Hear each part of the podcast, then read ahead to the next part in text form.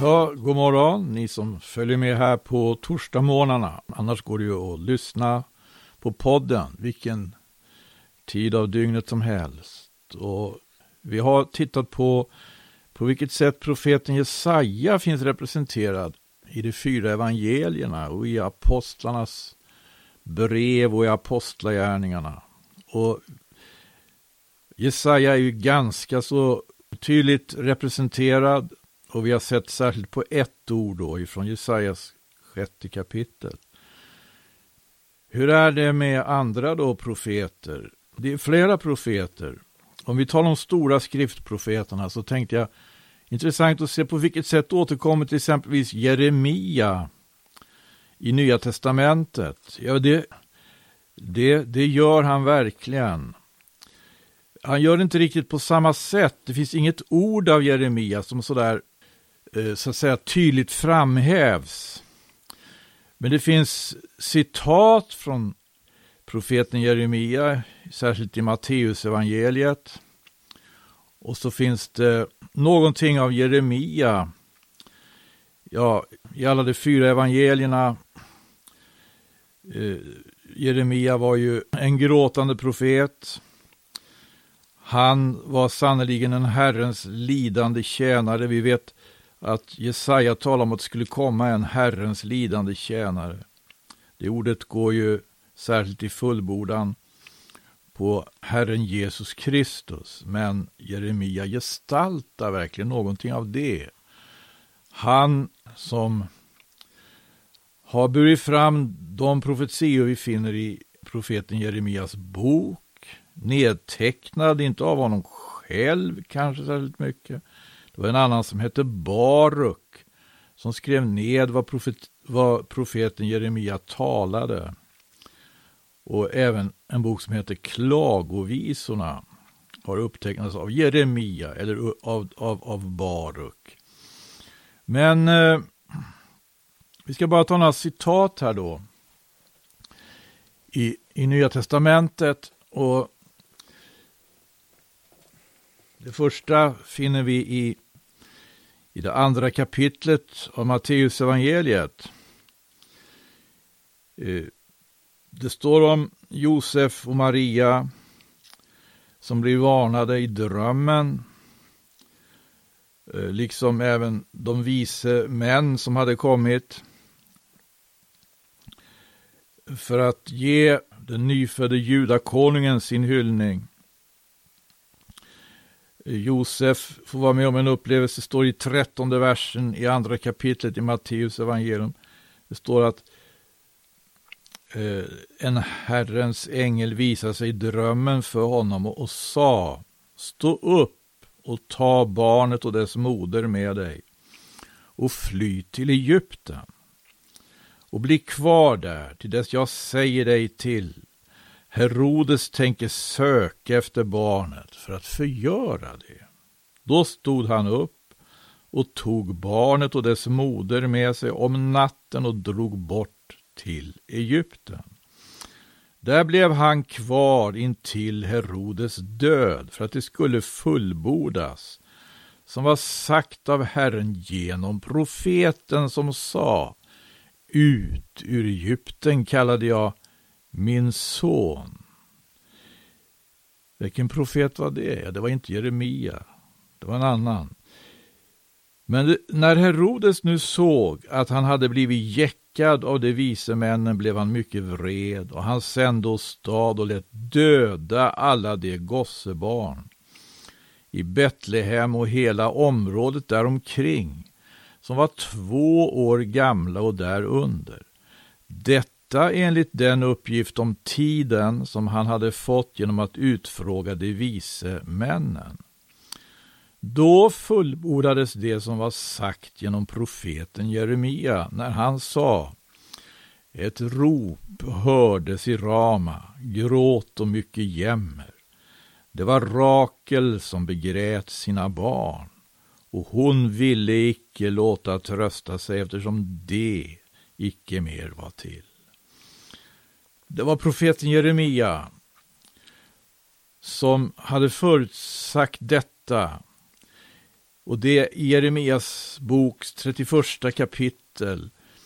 Kapitel 30 och 31 är underbara kapitel som handlar om upprättelse, inte bara om upprättelse, men mitt under det att, profet, att profeten Jeremia under 23 års tid, tror jag, ständigt och jämt fick klaga över avfallet och förutsäga den babyloniska fångenskapen så kommer eh, underbara ord om upprättelse, men också det här då om barnamorden i Betlehem. Eh, det finns ingen annan av evangelisterna som tar med det, men det gör ju Matteus då. Vi kan också titta på, Eh, det här är ganska, i Matteus evangeliets 16 kapitel, då när Herren hade kommit till en plats som hette Caesarea Filippi tillsammans med lärjungarna. Det här skriver även Markus och Lukas om. Då heter det så här i trettonde versen i Matteus 16 nu. Men när Jesus kom till trakten av Caesarea Filippi frågade han sina lärjungar och sa Vem säger folket Människosonen vara? Det svarade somliga säger Johannes döparen, andra Elia, andra åter Jeremia eller en annan av profeterna. Eh, det här var föreställningar som fanns om att det fanns tydliga föreställningar om att Elias skulle uppträda och det här bygger på eh, vad profeten Malaki talade. Därför det står uttryckligen Herren säger, jag ska sända till er profeten Elia. För en Herrens stora dag kommer. Det står i, i slutet av, av Malakis bok. Vi ska se om jag hittar det här. Malaki sa vi. I Malakis fjärde kapitel, ja. I femte versen. Se, jag ska sända till er profeten Elia förrän Herrens stora och fruktansvärda dag kommer. Och han har då ett uppdrag. Ja. Det står ingenstans annat än att Jeremia ska komma, men det lär ha funnits en uppfattning om att även Jeremia skulle uppträda på något vis. Och det här är ganska eh, märkligt eh, det, det, detsamma sägs inte av Markus, det står bara man hade sagt Elias, ja, eller en annan av profeterna. Liksom hos Lukas, uttryckligen står bara att det fanns en förväntan då. Eh, den stora förväntan gällde naturligtvis eh, Messias själv. Men det var ju en stötesten vet vi för judarnas skriftlärde att det skulle vara Jesus. Och det här är ganska intressant då när vi jämför med Johannesevangeliet. Där, där, där återkommer ju inte riktigt exakt på det sättet vad som skedde i Caesarea Filippi som det beskrivs av eh, av Matteus och Markus i alla fall och Lukas också. Men i början av Johannesevangeliet så ställs ju frågorna där till Johannes döparen. Vi ska titta på det här. Uttryckligen sägs ingenting här om Jeremia, men det står så här. I Johannes evangeliets första kapitel och 19 vers. Att detta är vad Johannes vittnarna, judarna, hade sänt till honom präster och leviter från Jerusalem för att fråga honom vem han var. Han svarade öppet och förnekade icke. Han sa öppet, jag är icke Messias. Åter frågade honom, vad är du då? Är du Elias? Han svarade, det är jag icke. Är du profeten? Han svarade nej.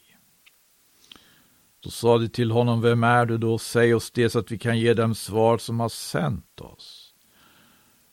Och då svarar Johannes med ett citat från, just från Jesaja. Men här frågar de alltså, är du Elias? Och det är klart att då fanns alltså de förväntningarna att Elias skulle uppträda. Elias skulle uppträda. Eh, och, men vem är det som det handlar om när det står frågan om profeter? Profeten man väntar på. Framför allt.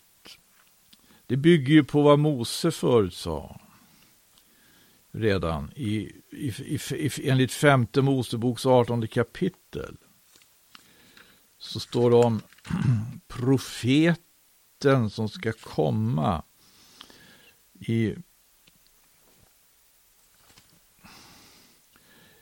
femtonde versen. En profet bland ditt folk av dina bröder, en som är mig lik, ska Herren din Gud låta uppstå dig honom ska ni lyssna till. Och det var ju helt klart att eh, den här profetian äger sin tillämpning först och främst på Messias och på Jesus. Men det märkliga är ju då att Johannes redan har dementerat att han skulle vara Messias. Det står i 20 versen här i Johannes evangeliets första kapitel. Han sa öppet, jag är icke Messias. Då kom nästa fråga, är du Elias? Han sa, det är jag icke. Och då kom tredje frågan, är du profeten? Han sa nej. Det hade ju klart varit ganska onödigt att ställa den frågan om man, om man med den frågan menar Messias. Därför, han hade ju redan sagt att han inte var det. Och det här är ju en del funderat på och att det här också skulle ha att göra med då att det fanns förväntningar att Jeremia och också skulle uppträda i samband med att tiden närmade sig att Messias skulle komma. Och skulle uppträda. Jeremia är en väldigt intressant profet. Och jag ska ta med, inte nu något citat från Jeremia direkt, men ett sammanhang i Matteus evangeliet också när Jesus talar om ändens tid i Matteus evangeliets 24 kapitel, då säger han någonting som ganska, ganska tydligt alltså även har sagts av Jeremia. Just Jeremias 31 kapitel, eller 30 kapitel, 31 kapitel är det. När, när vi läser vad Jesus har att säga om ändens tid i Matteus evangeliet 24 kapitel. Att han kommer till det här då, att solen ska förmörkas, att månen ska upphöra att ge sitt sken i 29 versen, att stjärnorna ska falla från himlen och himlens makter ska bäva. Då just eh, han talar om Människosonens tillkommelse. Då säger han så här också i det sammanhanget, jag går till 32 versen. Ifrån fikonträdet eh, kan ni här hämta en liknelse. När dess kvistar börjat få save och löven spricka ut, då vet ni att sommaren är nära. Likaså när ni ser allt detta, då kan ni och veta att han är nära och står för dörren. Sannerligen säger jag er, detta släkte ska icke förgås förrän allt detta sker. Stanna lite där. 33 versen, Matteus 24 kapitel. Matteus 34 versen, ja. Sannerligen säger jag er, detta släkte ska icke förgås förrän allt detta sker. I profeten Jeremias bok så står det så här i 31 kapitlet. Jag kan läsa från vers 35 där. Så säger Herren. Han som har satt solen till att lysa om dagen och månen och stjärnorna till att lysa om natten i ordnad gång. Han som rör upp havet så att dess böljor brusa, han vilkens namn är Herren Sebaot. Först när denna ordning icke mer består inför mig, säger Herren, först då ska Israels släkt upphöra att inför mig alltjämt vara ett folk. Israels släkt upphör att inför mig alltjämt vara ett folk. Ja, så säger Herren först när himlen blir uppmätt där ovan och jordens grundvalar utransakade där nere. Först då ska jag förkasta all Israels släkt till straff för allt vad de har gjort, säger Herren. Och i, i Matteus 24 sa alltså Jesus, detta släkte ska icke förgås förrän allt detta sker. Allt han har talat om, han har bland annat talat om att solen ska förmörkas och månen upphör att ge sitt sken. Detta släkte ska icke förgås förrän allt detta sker. Och sedan kommer vers 35. Himmel och jord ska förgås, men mina ord ska aldrig förgås. Ett släkte ska icke förgås förrän himmel och jord förgås. Men även om himmel och jord förgås så ska hans ord aldrig förgås. Och det här det talar ju om nya himlar och en ny jord där rättfärdighet bor. Eh, Jeremia är ganska då en, en, en, eh, en sörjande och gråtande profet. Hans sätt är ganska annorlunda jämfört med till exempelvis den profet som kommer att följa efter honom i kanon, nämligen Hesekiel. Och, men det finns någonting av det här som också fanns hos Jesus. Eh, när han bad i Getsemane örtagård så, så bad han ju så, Herre, ske, Fader, ske icke min vilja utan din. Och det heter så här att Jeremia beder i Jeremias boks 20 kapitel och vers 7. Du, Herre, övertalade mig och jag lät mig övertalas. Du grep mig och blev mig övermäktig. Så har jag blivit ett ständigt åtlöje var man bespottar mig. Ty så ofta jag talar måste jag klaga. Jag måste ropa över våld och förtryck, för Herrens ord har blivit mig till smälek och hån beständigt. Men när jag sa, jag vill inte tänka på honom eller vidare tala i hans namn, så blev det i mitt hjärta så som brunne där en eld, instängd i mitt innersta. Jag mödade mig med att uthärda den, men jag kunde det icke. Det här uttrycker väl också någonting av den kamp, den väldiga bönekamp, som Herren Jesus utkämpade i Getsemane. Det fanns alltså någonting inom honom som drev honom att gå den vägen som absolut inte alltså på något vis var bekväm eller föll, skulle kunna falla någon människa på något vis i smaken att gå den vägen. Men han kämpar, liksom Jeremia kämpar med sig själv. Han hade fått uppdraget av Gud att eh, som det heter i början av Jeremias bok. Gå vart jag än sänder dig. Tala vad jag än bjuder dig. Jeremia skulle väldigt gärna kanske vilja tala på ett annat sätt än han måste tala, men han måste ju tala på det sätt som Gud bjöd honom. Och det, jag läser om det här, du, Herre, övertalade mig.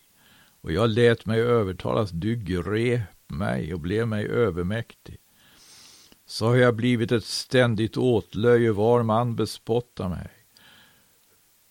Ty, eller för, så ofta jag talar måste jag klaga.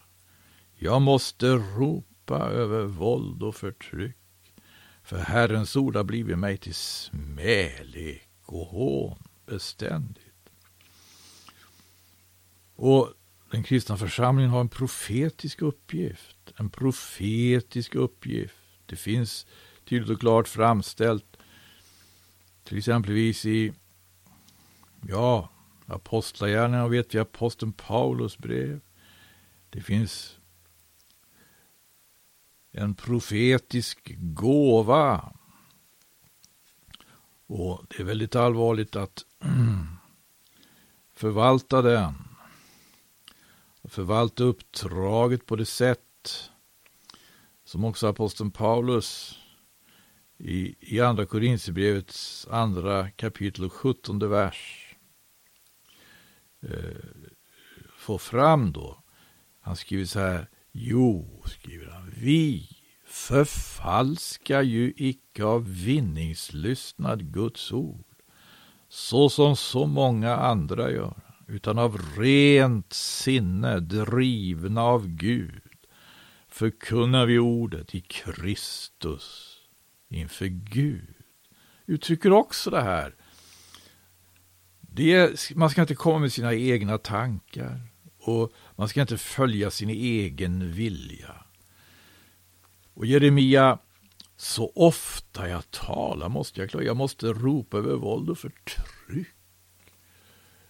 Och med tanke på att församlingen har en profetisk uppgift, det finns eh, det fattas väl inte sånt i vår tid, den tid vi lever i.